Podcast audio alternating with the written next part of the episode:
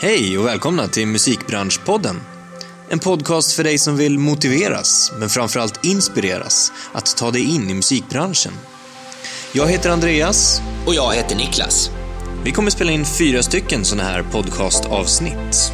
Det här är alltså första avsnittet av fyra, vilket känns fantastiskt spännande.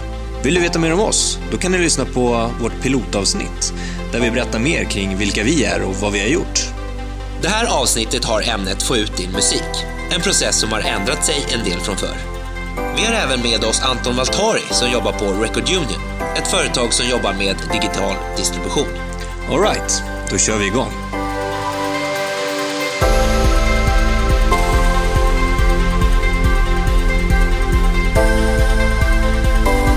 Veckans highlights då?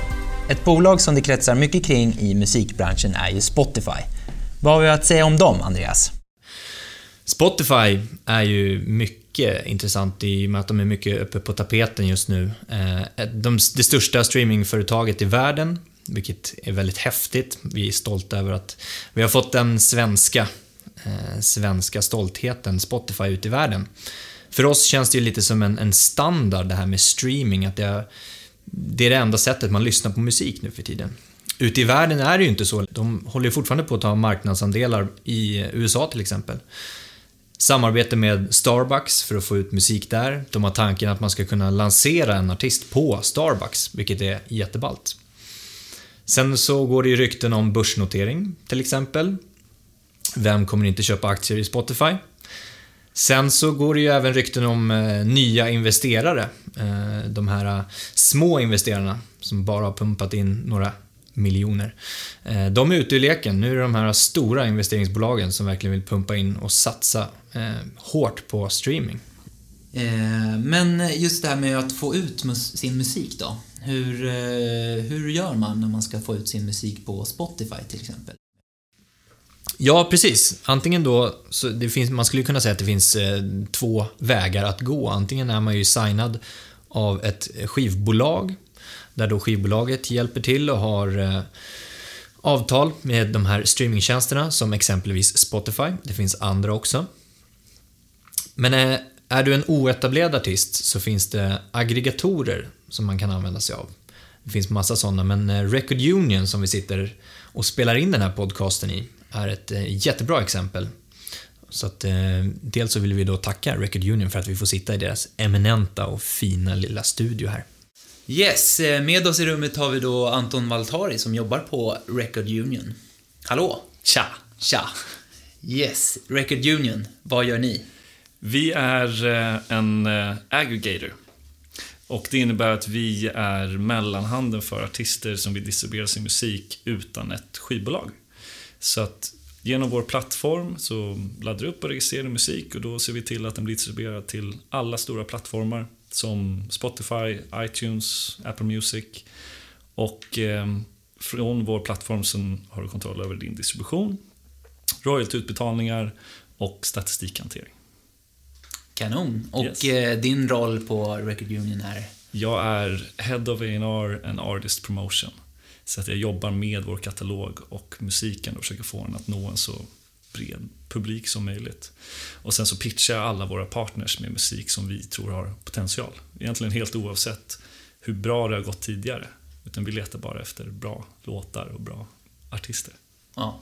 Och en partner i detta fall kan vara? Det kan vara plattformarna i sig.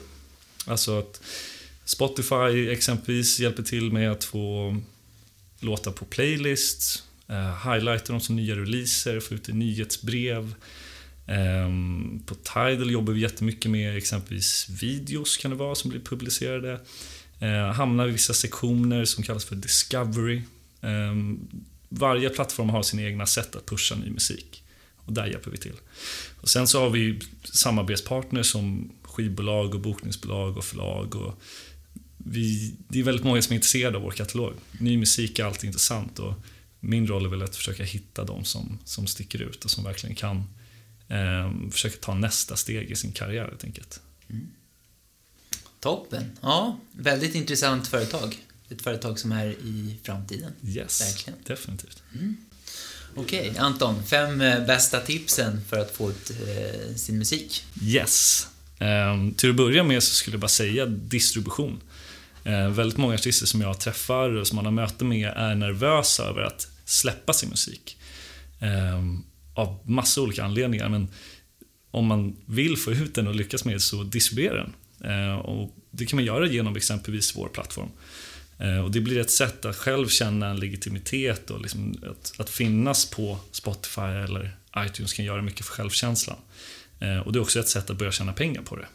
Ehm, så att distribuera det tycker jag är liksom tips nummer ett.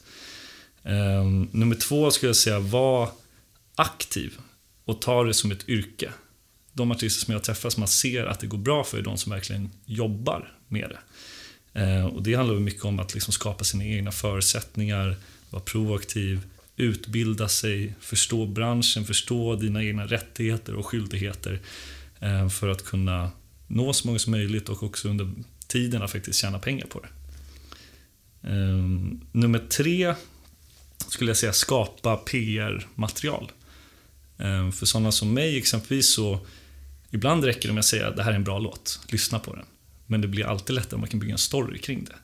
Så att både för dig själv och för de som du sen börjar jobba med, att se till att ha ett, ett presskit, eh, en liten bio som berättar om bakgrunden och vad som gör dig unik, inspiration, videos, bilder, sånt som gör att det blir lättare att bygga en hype kring det. Ett varumärke. Ehm, nummer fyra skulle jag säga att bygga ditt eget nätverk är super, superviktigt.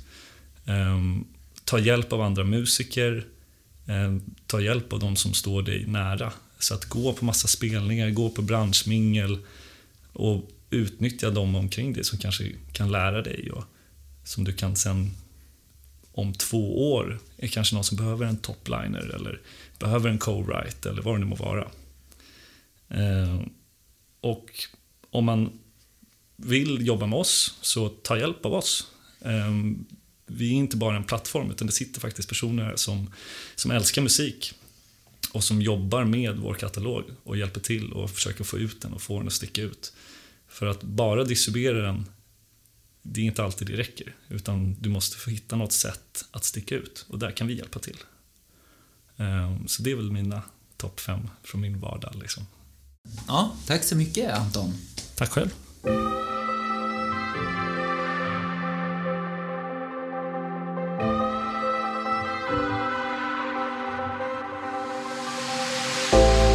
Vi tittar nu på artister då, som vill nå ut sin, med sin musik. Det var ju väldigt, väldigt svårt att distribuera en skiva förr i tiden.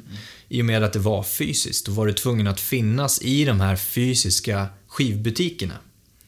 Så där någonstans har det ju blivit till fördel, om man tittar distributionsmässigt, hur man kan få ut sin musik. Alltså möjligheterna till att man kan få ut den.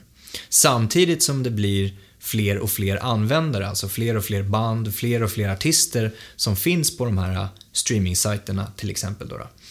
Ja, då blir det ju svårare att sticka ut. Exakt, det blir svårare att sticka ut, men lättare. Möjligheterna finns ju verkligen där. Vi pratar om att hela musikbranschen blir mer globaliserad. Just att du kan lätt nå ut till, om du är ett svenskt undergroundband så kan du lätt nå ut till den, den eh, australiensiska marknaden eller till den japanska marknaden eller Ryssland eller liknande. Förr var du ju tvungen att då distribuera skivorna fysiskt till skivbutikerna i de här länderna.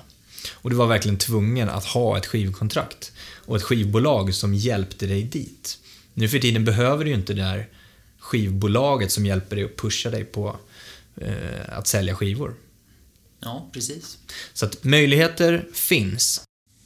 Okej, rent konkret då så söker man sig alltså till en aggregator eller till ett skivbolag för att få ut sin musik. Precis. Men hur kommer man till saken? Ja, det är det som är det knepiga, tycker många. Först och främst så gäller ju faktiskt inte glömma den kreativa sidan. Det är faktiskt där allt, allt börjar och det är fler och fler artister och låtskrivare som glömmer den sidan. De spelar klart demon och det, ja men det får duga. Vi lägger på lite trummor här och lite reverb och så får det duga. Och sen så slänger vi ut det. Men sen så stannar det där någonstans. Då vill de bara att det ska rulla på, det ska ticka på, det ska streamas och så vidare och så vidare. Så att dels så måste du ju komma ihåg den kreativa sidan att, att göra klart det här. Å andra sidan så måste du även låta, låta, eh, låta dig släppa det här verket. Alltså att våga släppa verket för att få ut det, för att börja på nästa verk. Och då gäller det ju faktiskt att ha en målbild kring vart man faktiskt vill nå, vad man faktiskt vill göra med sin musik.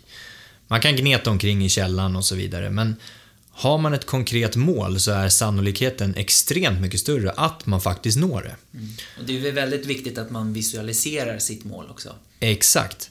Att man visualiserar sig bilden kring när man har nått det här målet. Är det att stå på Wembley till exempel. Visualisera hur det verkligen känns, hur det ser ut där. Vad, vad du gör kring den tidpunkten, inte hur du har tagit dig dit. Utan visualisera, ta dig fram till det, det, när du har nått det målet så att säga. Sen när du kommer tillbaka, du, tar, du, du tittar på när du sitter och skriver och gnetar i din källare. Så har du då ett mål och du har källaren. Då vet du vart du ska nå någonstans. Och hur, hur ska du då ta dig dit? Och det är det som är resan med att skapa låtarna och så vidare. Och det här kan ju kännas väldigt övermäktigt, så det är väldigt bra att bryta ner det här och dela upp det lite mer konkreta delmål. När det gäller delmål också, ehm, så gäller det att ha, som jag sa, konkreta. Så att, till exempel släppa första skivan. Ja, det räcker inte med att bara släppa den. Utan släpp första skivan, sälja tusen exemplar. Det är ett konkret delmål. Tidsmässigt också. Det ska jag göra inom ett år. Då sätter du press på dig själv att du verkligen ska göra det inom ett år och sälja tusen stycken skivor.